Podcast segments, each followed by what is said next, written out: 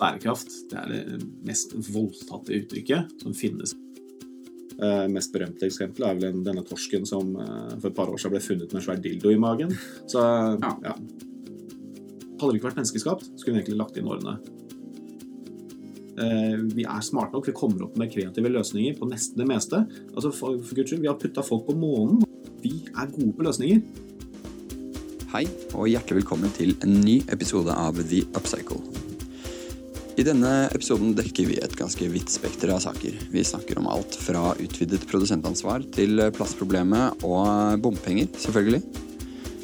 Videre vil jeg bare nevne at The Upcycle er på sosiale medier. Vi heter The Upcycle Podcast både på Facebook og Instagram, så følg med der. Der kommer det både bilder og informasjon om episodene.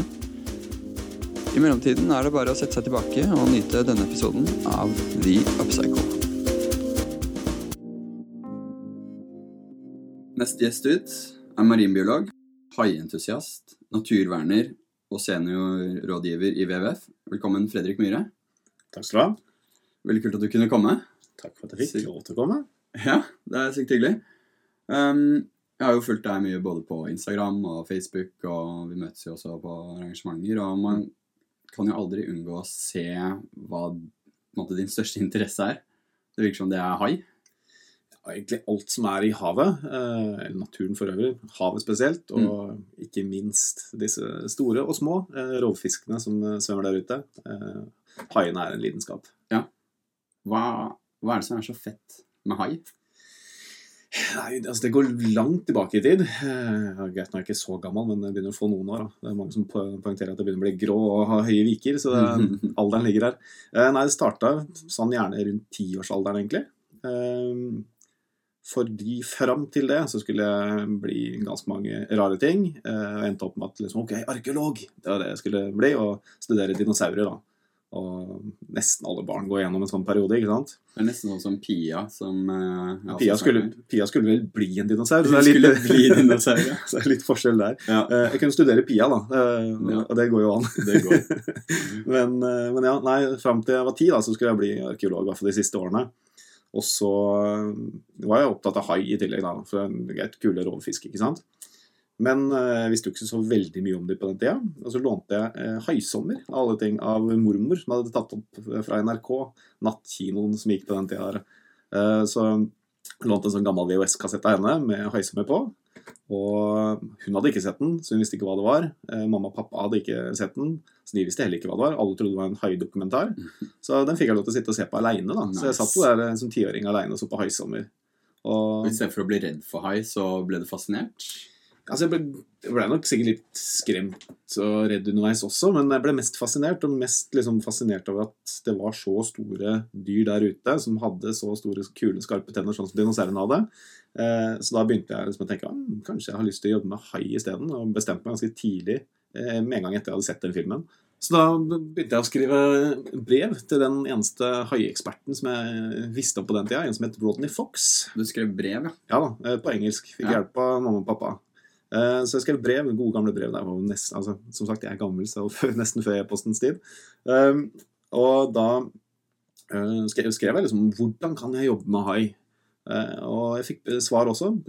Både, så, så, Rodney hadde vel kommentert litt, men det var mest Andrew, som var sønnen hans, da, okay. som da sendte tilbake at marinbiolog, det, det, kan det jo bli. Så da tenkte jeg hm, ja, det har jeg lyst til å bli. Og etter det så var det liksom det målet med, med livet var å jobbe med hai og bli marinbiolog. Og jeg jobber med hai, og jeg er marinbiolog, så det passer egentlig ganske greit. Så utrolig misunnelsesverdig, det der å vite hva man skal bli når man er liten, og så bli det. Mm. Så du så da Haisommer. Mm. Uh, og Haisommer uh, fremstiller jo haien som uh, et, farlig, et, farlig, rovdyr. Mm. Føler du at det er riktig fremstilling i den filmen? Altså, Haier er et farlig rovdyr, men ikke nødvendigvis for oss mennesker. eller Altså Det er et stort rovdyr som, eh, som, eh, som, alle rovdyr i naturen, og alle andre dyr for så vidt også, man skal ha respekt for. Men haisommer fremstiller egentlig haien som et gedigent monster som bare er ute etter å lage faenskap for oss mennesker og bare spise oss over en lav sko. Og det er helt feil. For det er tross alt sånn eh, at haier, hvis vi ser på statistikken, da Tenk deg hvor mange millioner, eller egentlig rettere sagt milliarder mennesker som er ute i havet hvert år. Summerer opp alle som er ute og surfer, svømmer, eh, dykker osv. Hvert eneste år så er vi oppe i mange mange milliarder mennesker. I fjor så var det 66 haiangrep på verdensbasis. Ja. Og det var fem dødelige. Det var fem som døde i haiangrep. Fire av de var uh, uprovoserte, ett var provosert. Men da? Tenk, tenk deg hvor vanvittig liten sannsynlighet du har for å bli angrepet av hai. Hadde de sett på oss eh, som mat, hadde de sett på oss som eh, Bruce i Haisommer gjør, så hadde det gått med mennesker hver eneste dag, og mange av oss. Ja, så hvis sjansen din er da 6 til 1 milliard, da, så er det ganske lav sannsynlighet.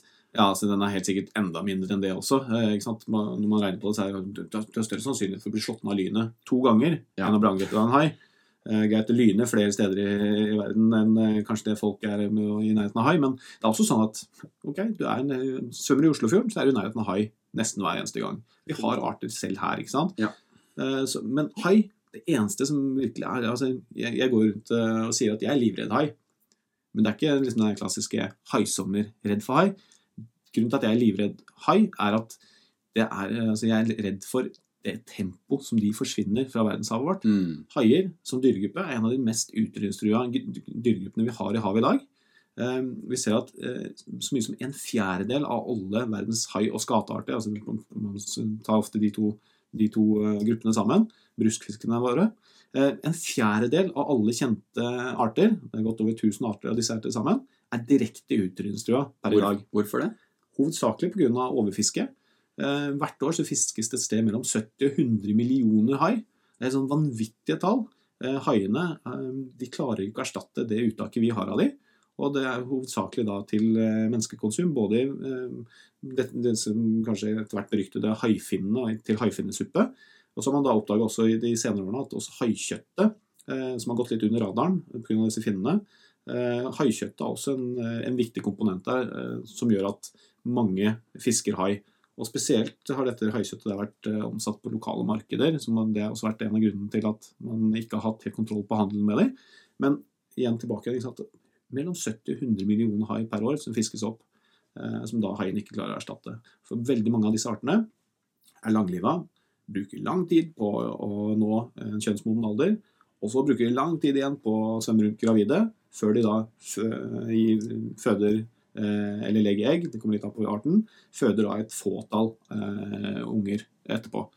Og da klarer man ikke med dagens, altså liksom den fiskeriteknologien som vi har utvikla over åra, som da er skapt for å ta masse fisk av gangen, eh, klarer man ikke å erstatte eh, det som faktisk fiskes opp.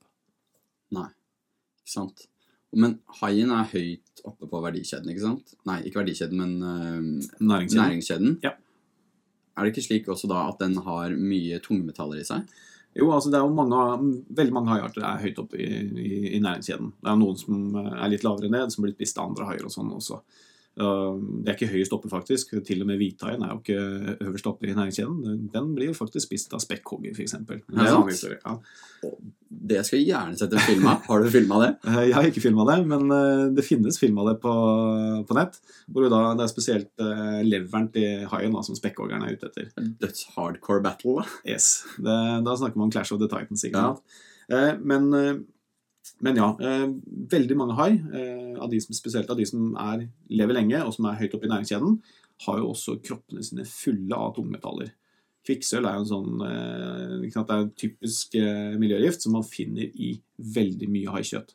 Og langt over de grenseverdiene som man anbefaler å spise for oss mennesker. Så er det ikke noe sunt engang. Det er jo bare dust å spise hai. Ja, og det er, altså, Skal vi ta for oss haifinnesuppe, da. Så Paradokset med det er jo ikke sant, at uh, dette er jo keiserens mat fra gammelt av. Uh, fra liksom 3000-4000 år tilbake i tid. Keiseren skulle ha liksom, de flotteste blomster fra de høyeste fjelltopper, og han skulle ha liksom, haifinner fra de dypeste avgrunner.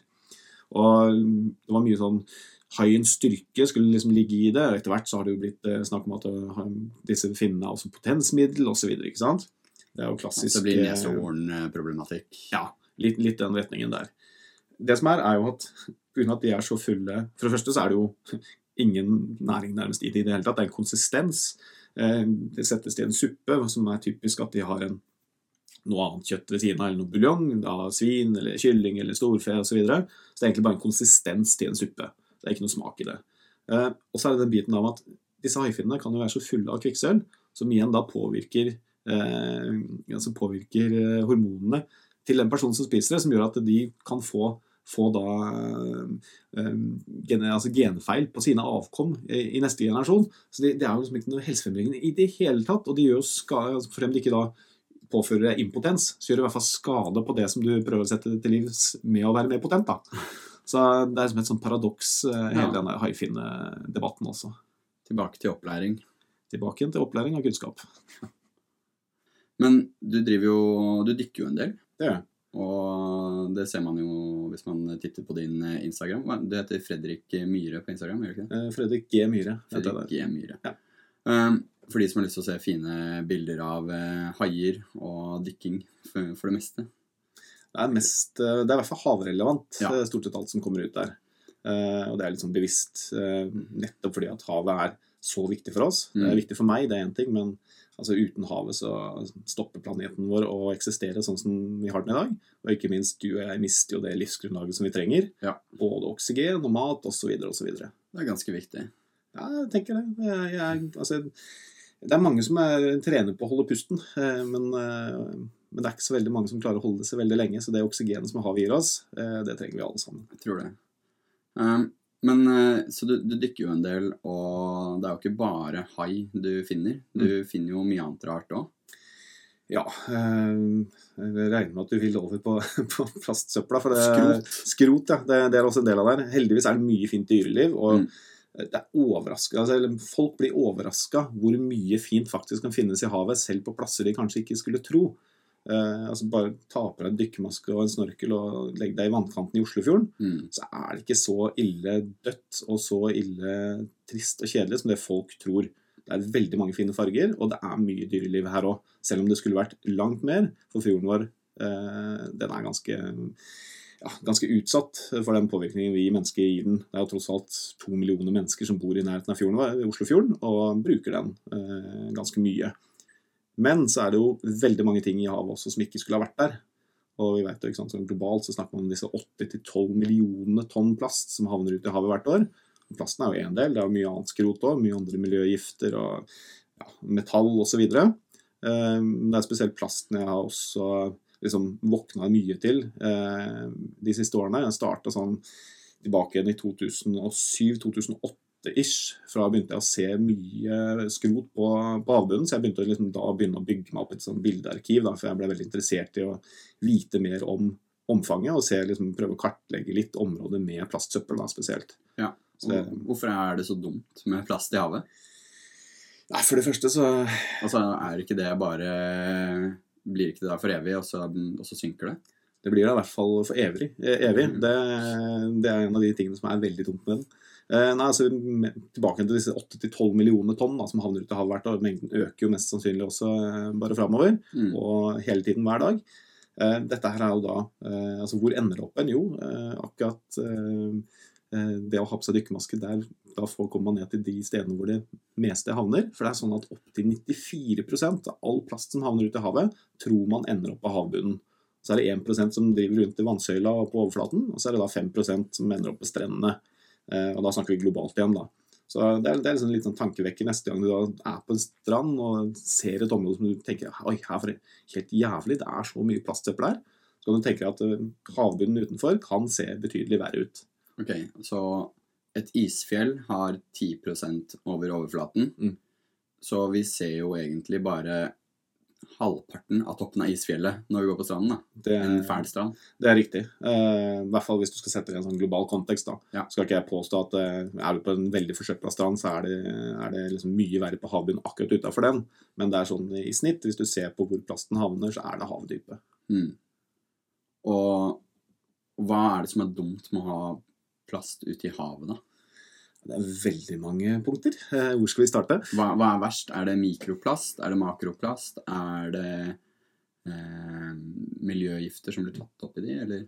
Jeg tror vi starter med å kan si sånn at Plast som havner ute i havet, påvirker alt dyreliv som finnes der ute. Helt fra de minste mikroskopiske plankton og så hele veien opp til de største hvalene. Og selv liksom de største dyrene som har eksistert på planeten vår, blåhvalen. Eh, og så er det sånn at ok, eh, først så kanskje havner det store plastflak ut der. Over tid så bryter jo de opp. De bryter ikke ned, men de bryter opp i mindre og mindre biter. Så at eh, mye av plasten, og ganske, kanskje den aller største mengden av plasten, blir aldri helt borte. For den bryter opp i det, det som da, du snakker om som heter mikroplast. Og så bryter den opp i det som er enda mindre, som kalles nanoplast. Mikroplast er jo sånn typisk sånn gummigranulatstørrelse, sånn som er på kunstgressbaner, og litt mindre. Eh, og så kommer nanoplasten, som er den plasten som er nesten så liten at du ikke kan se den. Men den er der allikevel. Eh, og så er det da forskjellig skadepotensial på disse ulike plastbitene. Det kommer litt an på hvilken type dyr du er. Det er klart, eh, For en spermhval, eller for en, denne berømte gåsnebbhvalen, som alle kaller for plasthvalen, som, som man måtte avlive utenfor Sotra i 2017, eh, den hadde jo da 30 plastposer i magen sin, større og mindre. Og det er klart, den, den mengden med plast og de store plastbitene der var jo det som gjorde at den mest sannsynlig ble syk og måtte avlives. Så store dyr de sliter med store plastbiter. Men de sliter også med de minste, men de kommer jeg tilbake til. Mm. Eh, og så er det da, ok, det er mange som sier at mikroplasten kanskje ikke er så farlig. Eh, det er en del sånn diskusjon rundt den. Og for deg og meg så er den kanskje ikke det. For det er litt sånn som når Emil i Lønneberget svelger den femøringen sin. Den kommer ut igjen mm. med den naturlige veien. Det tar en dag eller to, og så, så går den ut sammen med alt det andre vi har spist. Takk for at du minnet meg på den her. Det hadde jeg glemt. Emil, Det er mye klok kunnskap i Emil. Det er det. Jeg har bare ikke sett, eh, sett middagspotten på den der middagsskåla på hodet, så, så, så klarer man seg bra der. Ja. Eh, men ja, eh, ikke var den av plast heller. Har du den av plast, så bare får den kanskje ikke av. Så det er vel kanskje poenget. Men, eh, men nei, altså, så har du da eh, Tilbake til disse plastbitene, så har du da eh, disse mikroplastbitene. Eh, det er jo en del dyr som er av en sånn størrelse som at de også skaper de samme problemene hvis de får mikroplast i magen sin, som da disse store plastbitene gjør for større dyr. Så det, det kan skape forstoppelse og gjøre sånn at eh, de ikke får i seg næring. Ta opp unødvendig plast i tarmen og gjøre at de kanskje eh, ikke føler seg sultne, for de får en sånn falsk metthetsfølelse av den plasten som ligger der. Så de får ikke i seg den næringen de trenger, blir syke og potensielt dør. Ja, for du ser jo noen ganger eh, torsk, eksempel, Mm. som er helt utmagret og tynne. Ja. Og det er ofte fordi de har fått i seg plast, stemmer ikke det? Ja. Du har jo disse bildene som dukker opp regelmessig ikke sant? av en torsk som da gjerne har et ølkrus, eller, ja. en, eller en ølboks for den saks skyld. Vi kan ta- ta metallet også. Uh, mest berømte eksempelet er vel en, denne torsken som uh, for et par år siden ble funnet med en svær dildo i magen. Så Ja. ja. Litt Så, off topic, men, men tror du at naturlig utvalg eh, kan, eh, kan løse dette her? At eh, de lærer seg evolusjonsmessig å ikke spise plast? Nei, det tror jeg faktisk ikke. Jeg tror heller nesten tvert om. Eh, altså Plast for mange dyr er så spennende, for det lukter eh, spennende. Det kan ofte også være sånn at plasten vi har brukt, har jo matrester på seg. Så For sjøfugl for eksempel, så er det jo mange av disse små plastbitene som lukter veldig godt. Ja. Og det er av en størrelse som er naturlig mat. Eh, sånn at eh, her sånn så vil man egentlig være dum hvis man ikke spiser den, fordi de må liksom spise mat når de kommer over det, veldig mange dyr. Eh, og jeg, jeg tror ikke den der naturlige utvelgelsen på at å, du er en idiot for å spise plast, eh, kommer til å skje her i det hele tatt. Kanskje heller motsatt. Eh, og så er det også det faktum at det er så mye plast der ute allerede. Så det er, det er nesten umulig å ikke få det i seg. Og da kommer vi inn til en del av disse aller minste plasten, som vi snakka litt om i stad, dette med nanoplast. For det har vi rundt oss til enhver tid. Altså det er svevestøv og sånne ting som da er eh, slitasje fra bildekk. Eh, Når du går rundt i gatene i, Oslo f.eks., så, så er det litt svevestøv der. Og det er jo bl.a. plast som kommer fra bildekkslitasje f.eks. Og den plasten er nok den som har eh, i hvert fall som påvirker alle typer dyr og all type liv. For den er så liten at den, når vi får den inn i magen vår, eller torsken da får den inn i magen sin, så er den en sånn, en sånn karakter at den kan faktisk gå gjennom cellemembraner, eh, diffundere inn i blodomløpet, fraktes rundt i kroppen, og så avsettes i ulike typer kroppsvev i kroppene våre. Og man vet lite om akkurat hvordan type skade den gjør, men at det er positivt å gå rundt med store mengder plast i kroppen, høyst sannsynlig ikke. Jeg tror på en måte hvis vi kan unngå det, så hadde det vært fint. Det hadde jeg satt pris på. Ja, øh, det, det tror jeg egentlig alle er enige om. Ja. Eh, og så er det også sånne skrekkeksempler. Greit, det er et veldig sånn lukka forsøk. Jeg skal ikke påstå at dette her skjer med all plast, for det gjør det ikke. Men du har liksom plast som har ulike typer eh, hormoner knytta til seg, i f.eks. i legemiddelindustrien. Så har man gjort eh, forsøk på laboratorier i Sverige, hvor man da ser at plast kan vandre rundt i kroppen, lagres i hjernen, og så kan de faktisk endre atferden til fisk. Eh, Så der har du liksom litt sånn skrekkeksemplene. Du får Eh, sånn zombiefisk som eh, svømmer rundt og dreper oss. Ja, kanskje ikke altså, Der, der kommer veldig den tabloide saken. Eh, nei, jeg tror nok ikke vi får disse zombiene, men vi får i hvert fall fisk som da kanskje ikke fungerer optimalt sånn som eh, den arten skal gjøre. Ja. Og da snakker man eh, igjen for eksempel Hvis vi går tilbake til Darwin, da, liksom, og, eh, survival of the fittest sånn, så hvis du da får fisk som oppfører seg helt abnormalt, så er jo ikke det bra for den arten. og det eller de fiskene som får det, og da kan du potensielt påføre stor skade på flere bestander, flere arter osv. Men nanoplast Mm. Er det ikke også slik at eh, nanoplast eh, trekker til seg miljøgifter? Og så tenker man oi, det er jo veldig fint. Eller mikroplast. Og så For da blir jo de miljøgiftene borte inne i plasten. Mm. Men så blir den plasten spist av plankton eller dyr, andre, og så vandrer den miljøgiften videre opp i, i matkjeden. Stemmer det? Næringskjeden. Ja, det, er, det er jo sånn at Plast som flyter rundt der, eller ligger på stranda eller uh, i havdypet, kan knytte til seg andre typer miljøgifter. Uh, altså På samme måte som at en kokosnøtt som ligger og flyter uh, Hvis det er litt olje i et område, så får den olja på seg også, så blir det en, en eh, transportåre da, for den olja. Og sånn gjør plasten nå. Eh, så det er ikke det at liksom, det fungerer som et filter som liksom suger til seg alt sammen, Nei, men det får, det kan få en del andre typer farlige stoffer på seg. da. I tillegg skal den plasten i seg selv inneholde en del farlige stoffer. eh, Selv om man har vært flink til å fase ut en del av dette. Men man husker disse advarslene tilbake på 80-tallet med eh, altså, farlig plast i leker til, til barn f.eks. Det er jo ikke sånn at den, all den plasten der er borte. Mye av den også finnes ute i naturen.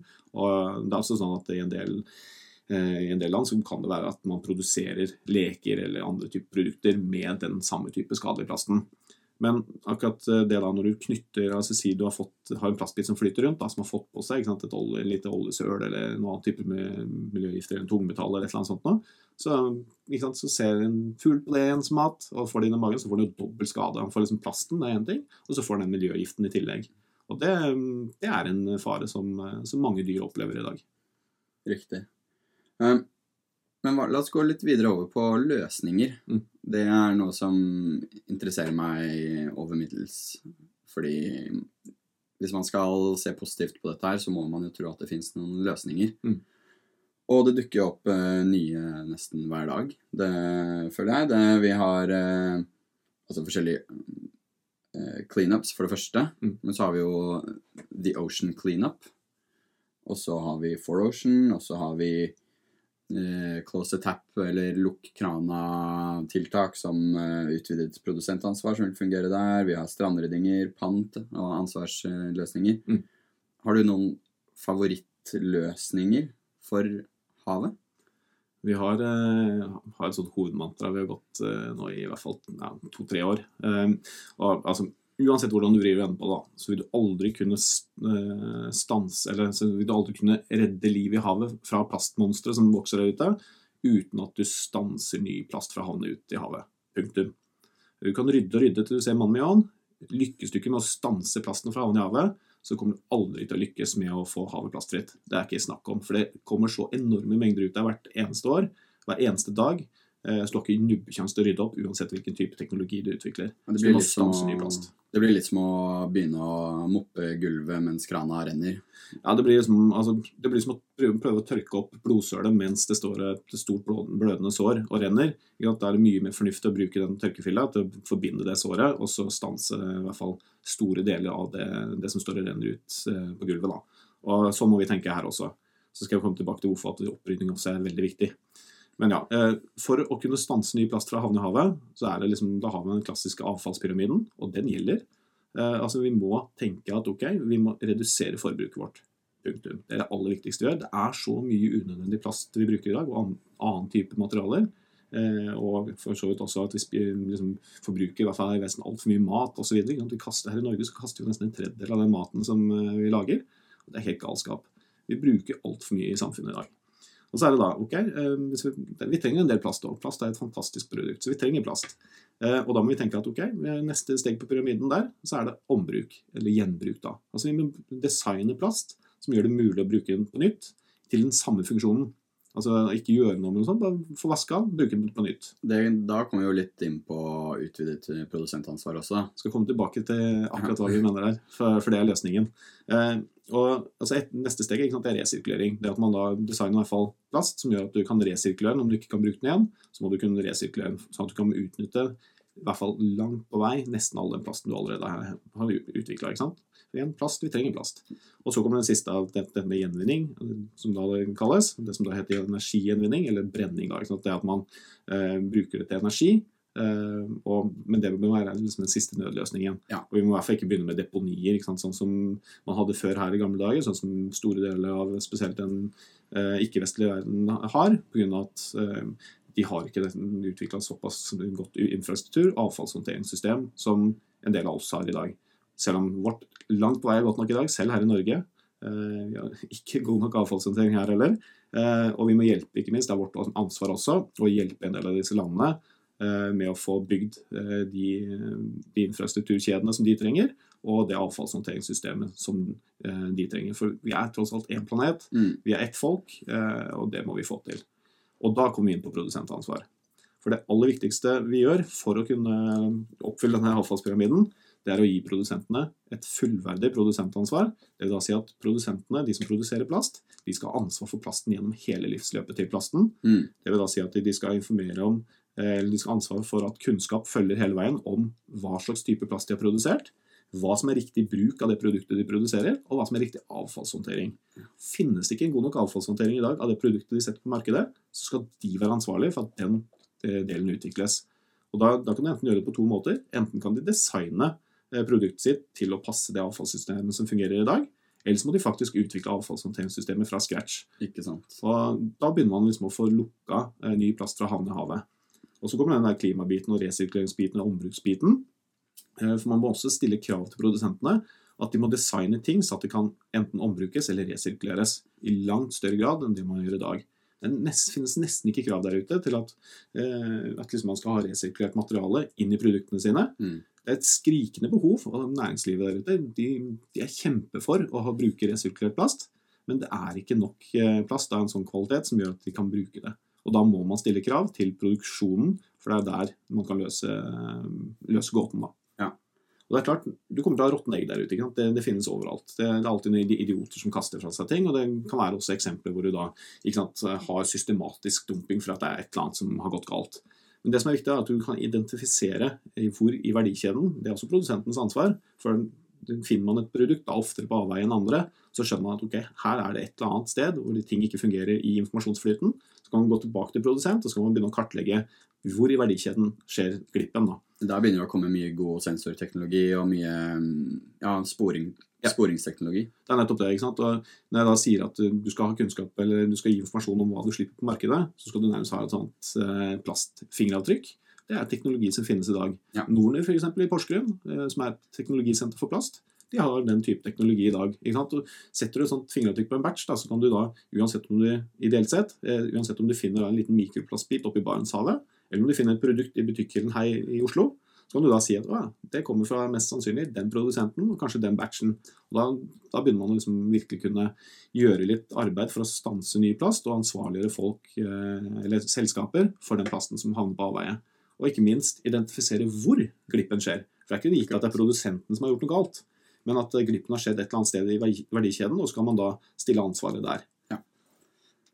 Så du, du nevnte også opprydding. Mm. At, mm. fordi altså, vi, vi må stoppe krana. Men opprydding er jo også viktig. Mm. Hvorfor er opprydding viktig?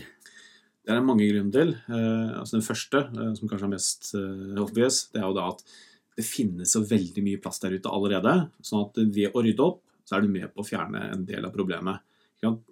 Bare du går og plukker én plastbit da, hver dag fra gata eh, når du går ut eh, døra di hjemme, så er det én plastbit mindre som potensielt havner inn i en dyremage eller han kommer på avveie et annet sted i naturen. Så det, det funker. Det hjelper tilfeldighetene litt. Grann, da. Ja, ikke sant? Og du, du, du, får, sant? Du, du er med på en liten innsats. Og det den innsatsen også gjør, er at du blir mer bevisst på problemet. Så du får Eh, en ikke opplæring i tillegg. Ja, du får på deg disse kanskje etter hvert berømte plastbrillene. ikke sant? Når du først begynner å se- plast, så ser du plast overalt. For det er overalt. Eh, Så, det er viktig i seg selv, for da, begynner du liksom å undersøke hvorfor er det sånn, og kanskje du da tenker på litt mer enn bare plasten, og begynner å tenke litt andre ting i naturen som ikke er sånn som det burde vært også. Men så er det også den biten da på at ok, eh, vi er enige om at eller jeg har snakka om, og jeg tror vi er enige om, at eh, sant, det å stanse ny plast fra havn i havet, eller uten naturen, det er det aller viktigste vi gjør. Og skal vi gjøre det, så må vi også vite noe om kildene til forsøplinga. Og det er klart, Med en gang vi driver med opprydning også, så sier, får vi også en del informasjon om hva er kildene, og hva er de viktigste kildene kanskje å st- stanse først. Så det er viktig i seg selv. Mm. Så du har liksom alle disse tre elementene med at du gjør en innsats for naturen med å hjelpe til å rydde opp. Du blir bevisst på problemet, og du i tillegg er med på å eh, kunne hjelpe oss med å stanse forsøplingen ved å vite kildene. Ikke sant. Ja, for da stopp, kan du egentlig ved å rydde stoppe krana litt. Grann, Mm. Ved å si nå kommer 90% av den plasten vi finner på denne stranda her, kommer fra fiskerinæringen f.eks. Ja. Da kan du gå til fiskerinæringen og prøve å få til tiltak der. Da er det enklere for de å skjønne hvorfor. Eh, siden du nevner fiskerinæringen, så er jo de en, en næring som har langt på vei tatt, eh, tatt det inn over seg, og de har lagd sin egen eh, strategi og så videre mot marin forsøpling. Eh, og de var de første som også gikk ut og sa at ja, ok, uansett om vi er best eller verst, så skal vi i hvert fall være 100% ansvarlige for det som kommer fra oss. Det gikk jo da lederen av Fiskarlaget ut og sa i fjor. Ja. Så? De har tatt problemet inn over seg, og sånn trenger vi at andre typer deler av næringslivet også gjør. Så skal jeg ikke si at de har løst utfordringen sin, men de i hvert fall anerkjenner det. De har lagt sin egen strategi, de skjønner hvorfor de trenger å stanse ny plast fra havn i havet, og de skjønner hvilken rolle eh, de kan fylle. da. Ikke sant. Um, jo, FN har en nullvisjon for plastutslipp. Mm. Hva betyr egentlig det? Det det betyr, er at eh, de ønsker å altså, det å stanse ny plast fra havn ut i havet, eh, og det at man ikke skal ha plast i havet. Eh, Den fikk de faktisk eh, Vi satt og jobba med den vi i WWF i 2017. Jeg tenkte da om ok, hvordan kan vi stille et spørsmål eh, til spesielt i forkant av stortingsvalget. Det var jo i forkant av Arendalsuka 2017. Nå var det noen kloke hoder på kontoret vårt som da satt der og knadde. Hvordan kan vi da løfte plastdebatten eh, fra å altså på det nivået den var da, til å dreie seg om også internasjonalt, og ikke Ja. minst hva Norge kan gjøre internasjonalt. Så lans lanserte vi da under Arendalsuka en sånn tanke om ok, vi må ha en nullvisjon for plast i havet. Akkurat som vi har en nullvisjon for eh, trafikkdøde, eller døde i trafikken. da, ikke sant? Men, men er ikke det veldig åpenbart? Altså For meg, jeg også har en nullvisjon for plast i havet. Ja, Men det var ikke satt på noe papir, og det var ikke noe tanke som eh, For det, liksom, det er ganske åpenbart, så var det ingen enighet om det, og det var ingen som hadde løfta det spørsmålet i det hele tatt.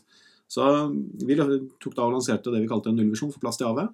Eh, Jobba intenst eh, med å prøve å få forankra det, og heldigvis, og ikke minst eh, ikke overraskende, så var det en kar som heter Vidar Helgesen, som var klima- og miljøminister på den tida, som tok den her med begge armer.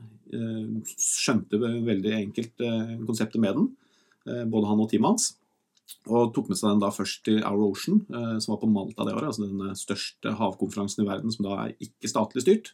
Den er jo i Norge og i Oslo nå i oktober.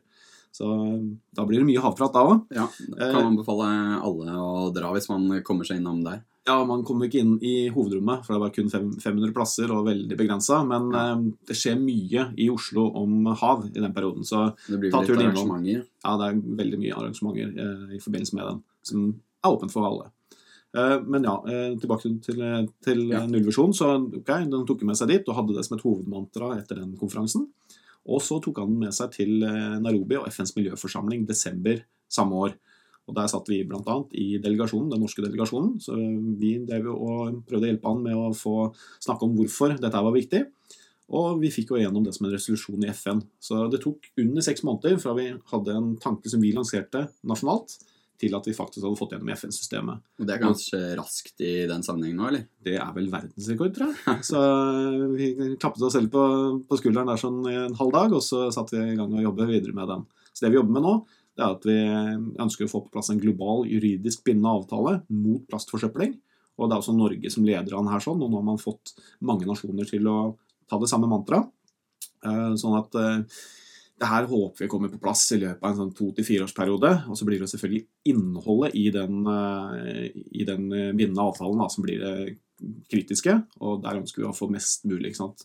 At vi kan få på plass et produsentansvar for alle plastprodusenter internasjonalt. da begynner man å snakke om eh, virkemidler som faktisk virker. Det, det hørtes veldig bra ut. Og det, det gir veldig mening at Norge er eh, pådriver av dette her. Vi produserer jo mye olje, og dermed plast. Altså, Norge blir sett på som en eh, veldig god eh, havforvalter. Og så skal vi ikke dra for langt ut i det, men jeg vil da si at eh, ok, det sier egentlig mer om resten av verden enn om nødvendigvis om Norge. Ja, vi er gode på enkeltfelter, og så er vi ganske dårlige på å se helhetlig på hvordan vi skal ta vare på havet. Og du er jo gjennom olje. Olje er jo en av de tingene som truer mange områder også i Norge. Eh, og ikke minst klimamessig. Altså Vi må slutte med den olja. Vi har pengene til å gjøre noe annet enn å drive med olje. Vi kan putte pengene inn i fornybar. Vi har alle disse kloke hodene som jobber i oljenæringa, oljenæringa som kan pensles over. ikke sant? Men ok, da snakker vi oss litt bort. Eh, men i hvert fall eh, så, så er det denne globale juridiske bindende som blir det, liksom det viktige eh, framover globalt når det gjelder plastforsøpling. Og så er det samtidig du og jeg kan gjøre veldig mye i hverdagen for å redusere det, vi også. Og det gjelder også mennesker rundt omkring i verden. Plast har jo også den fordelen som problem mm. at det er veldig synlig. Mm. Det er eh, Alle er enige om at plast på strendene, at plast i mager til dyr eller mennesker ikke er bra. Mm. Og på den måten tror du kanskje plast kan hva skal jeg si, overskygge de andre problemene litt? Altså, den har nok gjort det. Samtidig så ser vi eh, også hvor mye oppmerksomhet det er rundt klima og klimaendringer. Eh, spesielt det arbeidet som ungdommen sjøl har satt i gang nå. Eh, som, altså, dessverre, det måtte ungdommen til. Vi har prøvd i mange mange år. Altså, jeg sier ikke vi, jeg mener ikke WWF, men altså vi, vi voksne. Og det er jo vi som er ansvarlig for dette her. Men det er ungdommen som spesielt har satt i gang og sparka i gang alt som går på Eller i hvert fall hastigheten som går på klimaarbeidet. da. Og Da tenker jeg hovedsakelig på Greta Thunberg og liksom den bevegelsen hun har satt i gang med alle de flinke ungdommene som vi ser popper opp eh, rundt omkring nå, og som virkelig tar til orde for at vi skal eh, endre tempo i det grønne skiftet, som det populært kalles. Det at vi skal legge om fra fossil energi og over til fornybar energi. Det at vi må redusere forbruket og bruke smartere isteden. Og det er eneste måten vi kan gjøre ting på. Ja, plasten har nok tatt litt av, eh, litt av oppmerksomheten, men det er egentlig bra. Altså, eller det er bra at man snakker mye plast, men man må gi minst like mye plass, og kanskje enda mer plass, eh, plass ikke plast, eh, plass til eh, prat om hvor viktig det er å, ta, altså, å stanse utslipp av klimagasser. Og, ta, og, også drive med klimatilpasning, for det er mye som skjer der ute allerede. Vi har satt store hjul i sving, så mye vil endres også når det gjelder klima, til det verre for oss. sånn at vi må også ha det i hodet når vi da skal designe samfunnet framover. Tror du dette er dette er jo veldig komplekst. Mm. Tror du dette er for komplekst for folk flest å sette seg inn i? Fordi du hører om ett problem og ett tiltak, mm. og så hører du neste uke eller neste måned at nei, det var ikke det her som var det store problemet, det var det her. Mm. Uh, ja, altså selvfølgelig er det komplekst. Altså, selv vi som jobber med det hele tiden, uh, vi klarer ikke å holde full oversikt. Vi heller. Altså, det er veldig avanserte saker, og det er store hjulsving. Samtidig så er det egentlig også ganske enkelt. For det er så enkelt som at ok, hvis du har lyst til å ha en trygg framtid der du har natur, der du har ren luft å puste, der du har mat å spise, der du har rent vann å drikke, så bør du sette klima og miljø først. Og det er ikke nødvendigvis det at du liksom skal eh, gjøre alle de store endringene i din egen hverdag, men det er tross alt sånn at eh, mange land i verden, og inkludert Norge heldigvis, har et demokrati. Eh, vi kan stemme, vi kan bestemme liksom hvem som skal bestemme her i landet. Og det er så enkelt sånn, ok, Når du går til stemmeurnen, så tenker du på et parti som setter klima og miljø først, og det er det du prioriterer. For det er eneste måten, eller den letteste måten da, som du kan være med på å påvirke ved at vi gjør, drar i den retningen som verden og Norge trenger at vi gjør. Og er det ikke, ikke sant? Det kan også være sånn at ok, ja, men jeg, jeg, kan ikke stemme på de og de partiene. Eh, for det er mange som altså er ute og snakker med folk eh, av andre årsaker liksom, Nei, men jeg kan ikke stemme der, jeg kan ikke stemme der. Nei, men ok, men si i hvert fall da, ok, Eh, si til det partiet som du absolutt vil må, sier at du skal stemme på, da, utfordre de og si at de må sette klima og miljø først. Og sett liksom Mal bildet for de at det, mhm. det handler tross alt om livsgrunnlaget vårt. Og uh, da spiller det liten rolle hvilke andre typer saker også de ønsker å ha på. For hvis ikke du tar vare på planeten, så har vi snart ikke noe å liksom leve av. Og vi kommer til å se enormt store endringer også når det gjelder f.eks. sikkerhetsspørsmål, eh, når det gjelder flyktningsituasjon osv. For det er mange områder nå som kommer til å bli nærmest ubeboelige for en del mennesker. Eh, både i forbindelse med at havet stiger, men også at det blir for varmt eh, mange steder. Så det ikke går an å dyrke ting.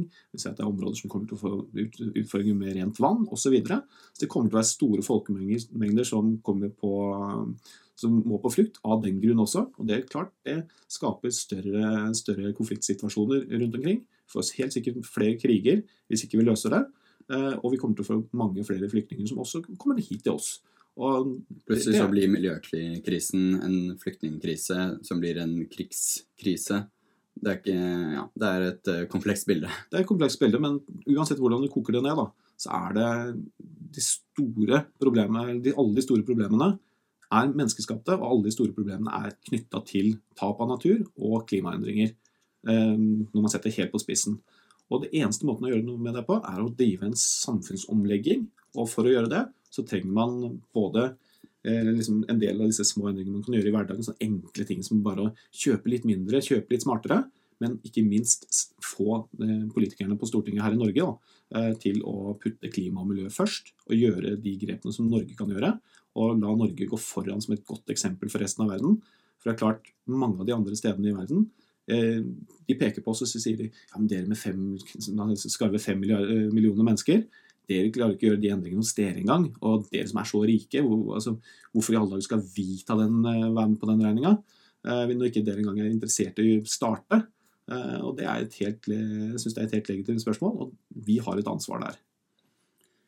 Og altså, som sagt, og vi har vært inne på det, at det, er, det kan være vanskelig for folk å skjønne hvilket problem å ta tak i. Mm. Og spesielt når vi kommer til valgkamp. Mm. Uh, og det, det, er lett å bli litt ensporet. da. Lett å, å, finne et problem og så fokusere på det problemet. Mm. Du skrev jo en post på Var det Instagram du skrev først, eller var det Facebook? Jeg hadde den først på Instagram, og så tok jeg den også over på Facebook. og så tok den av litt begge steder, kanskje. Den, den har trenda litt, for å si det sånn. Um, og der skrev du altså overskrift 'Verden i dag'. Amazonas brenner. Polisen smelter. Korallrevene dør. Havet forsøples. Naturen forsvinner, økosystemer kollapser, mennesker flykter, og bompenger preger valgkampen. Mm. Er, er, det noe som du syns er Sier det noe om samfunnet vi lever i i dag? Sier det noe, eller kanskje noe om hvordan vi klarer å ta til oss problemer, da? Kanskje det er vanskelig for oss å fokusere på så mange problemer på en gang? Mm. Det sier i hvert fall noe om eh, at vi er litt for navlebeskuende og ser hva som kun er liksom foran vår egen nesetipp, og ikke klarer å sette ting i sammenheng. Og Det gjelder veldig mange av oss.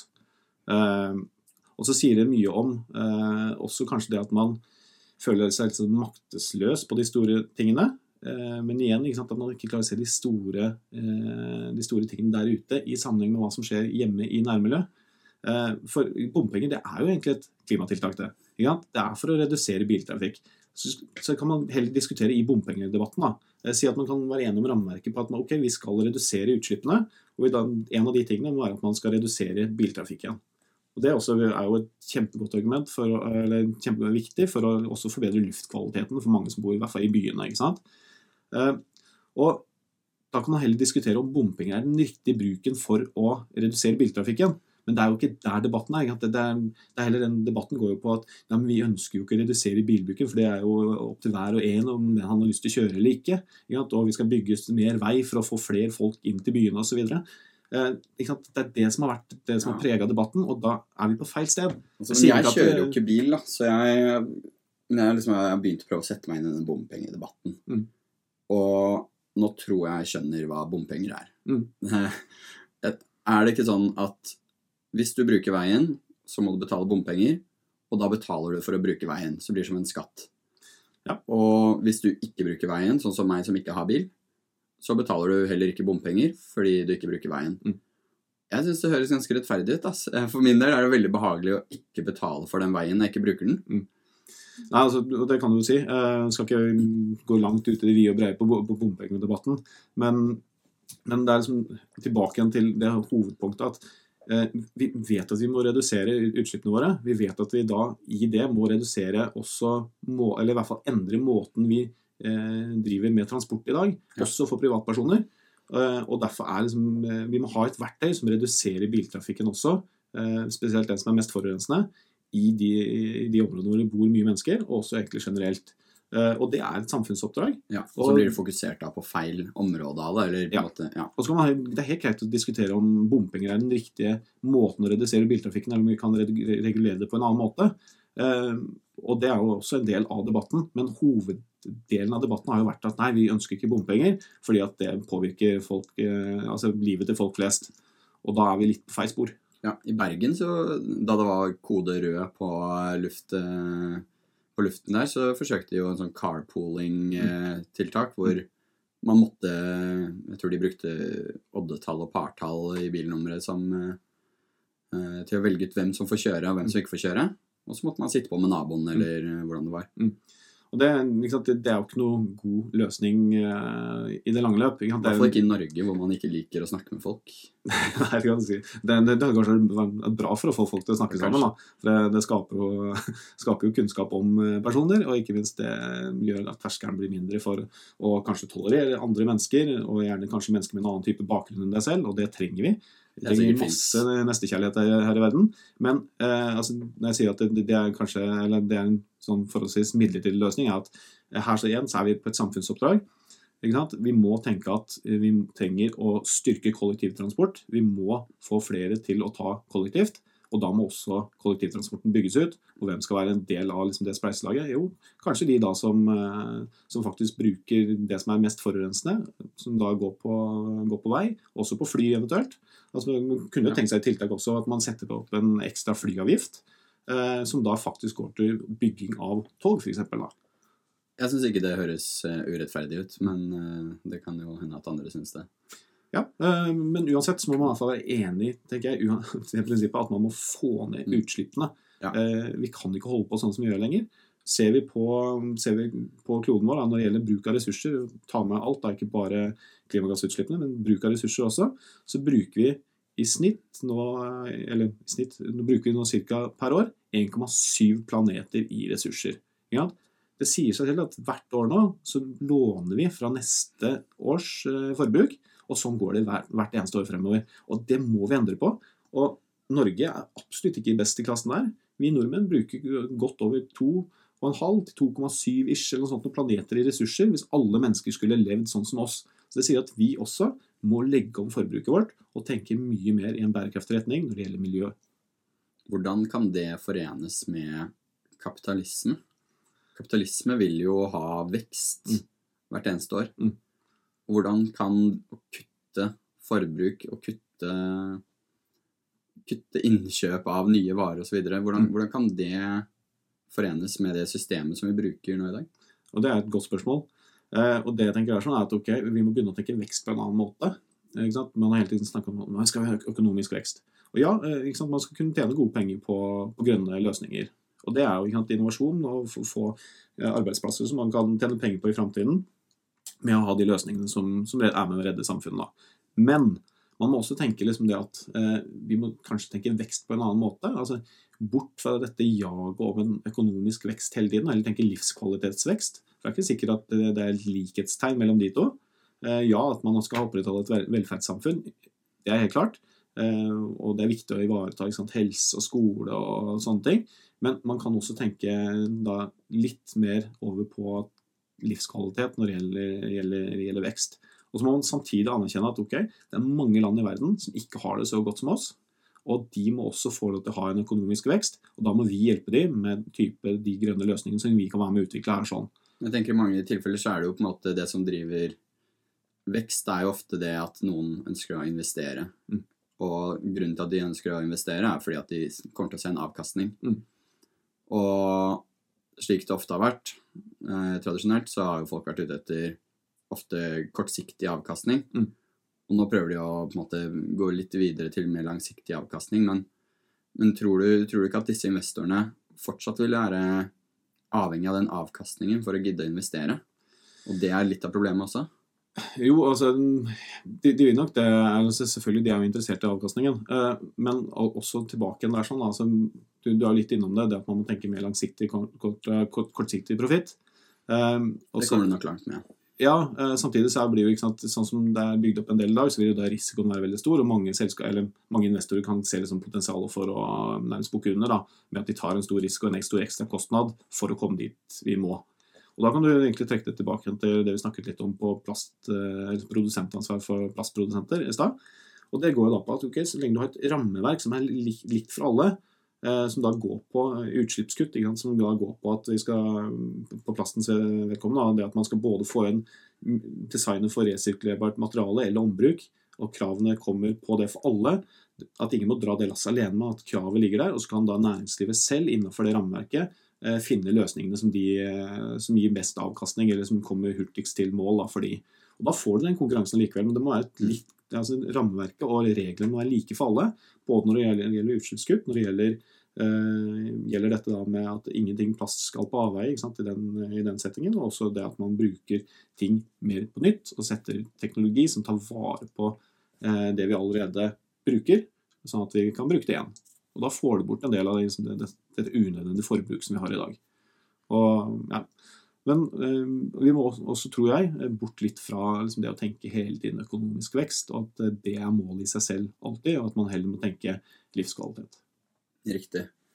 Vi skal jo avslutte med en uh, solskinnshistorie som uh, jeg har bedt deg om å, å fortelle. Noe, noe, som går bra, for nå føler jeg det er veldig mye hva skal jeg si, dystopisk. Men først så vil jeg bare Før vi går dit, så vil jeg spørre deg hva, hva, tror du skal til for at flere engasjerer seg? Det er sikkert rekordmange som engasjerer seg nå, mm. og dette er jo en spesiell dag. I dag er, eh, når vi spiller inn, er eh, dagen hvor alle skal brøle i Oslo sentrum. Klimabrøle. Eh, eller er det flere byer, eller kun Oslo? Det er vel tre steder i Norge tror jeg, som, ja. som har klimabrølet i dag. Eh, Oslo er desidert her det kommer til å komme flest. Eh, men det er, det, er jo, sant, det er, jo, også et ledd i denne skolestreiken, og den turer jo og går rundt omkring i hele verden. Sant. Så dette her er jo bare en add-on til det, at vi voksne også får til å være med og brøle litt. Mm. Og si fra til ungdommen at vi hører dere, og vi har tenkt til å prøve å gjøre det vi kan for å, at dere skal ha en trygg fremtid. Det, ja, ikke sant? Og det er, det er jo mange nå som Det er sikkert rekordmange som engasjerer seg nå. Mm. Men hvor, hva skal til for at det her blir enda mer mainstream, enda mer Kygo? Mm. Altså det, det, går på det at uh, altså Kunnskap, selvfølgelig, det, det, er uh, avgjørende i enhver situasjon. Altså Har man kunnskap, så kan man gjøre gode valg. Uh, at flere skjønner at vi er i ferd med å ødelegge planeten vår. bare siden 1970 så har vi mista 60% av mengden liv som fantes på planeten da. Altså Da snakker jeg om vekten av dyrelivet. Eh, det er helt sånn vanvittige tall. Vi står midt oppi den sjette masseutryddelsen av dyreliv som har funtes eh, på planeten vår. Den femte og siste vi hadde, var for 65 millioner år siden, da dinosaurene døde ut. Og Det er først nå vi ser at uh, dyreliv dør ut i samme tempo. Og det som er, er at for første gang i verdenshistorien, planetens historie, så er det én enkelt art som står bak. Det er deg og meg. Det er oss mennesker. og hvordan vi bruker ressursene som er her. Og det er det som gjør meg til optimist. Det høres kanskje litt rart ut, men det er det som gjør meg til optimist. For det en ting, Hadde det ikke vært menneskeskapt, skulle vi egentlig lagt inn årene. Da hadde vi ikke hatt noen nubbekjangs, med mindre vi liksom hadde tenkt at Armageddon, vi skal ut og bombe en, eh, bombe en meteoritt som kommer ned, og så redde planeten med det. Men det er ikke det på nivået det ligger på. Det er oss mennesker som er skylden. Det er noe vi kan gjøre noe med. Ja, ikke sant? Da, da kommer vi til det hvorfor jeg er optimist. da. Og det er på grunn av at ok, er det én ting For det første har vi kunnskapen, det er oss mennesker. Eh, og er det én ting vi mennesker er gode på, så er det det å endre atferd. Det å ta, liksom, Får vi kunnskap, så er det ganske enkelt å endre atferd. Eh, vi er smarte nok, vi kommer opp med kreative løsninger på nesten det meste. Altså, for, for Guds skyld, Vi har putta folk på månen. Altså, det er jo helt, uh, helt utrolig. Jeg synes Det er et folk... kjempegodt eksempel det med å putte folk på månen. Ja, på 60-tallet. Ja, og vi har putta folk ned på 11 000 meter i en ubåt. Det dypeste området vi har i havet. Eh, så selvfølgelig, vi, vi er gode på løsninger. Ja. Eh, og så er, det, så er, det, den biten der som, som, ligger der at ja, eh, med en gang vi får litt kunnskap, så skjønner vi også hvorfor vi må endre, endre kursen. Og det er det det går på.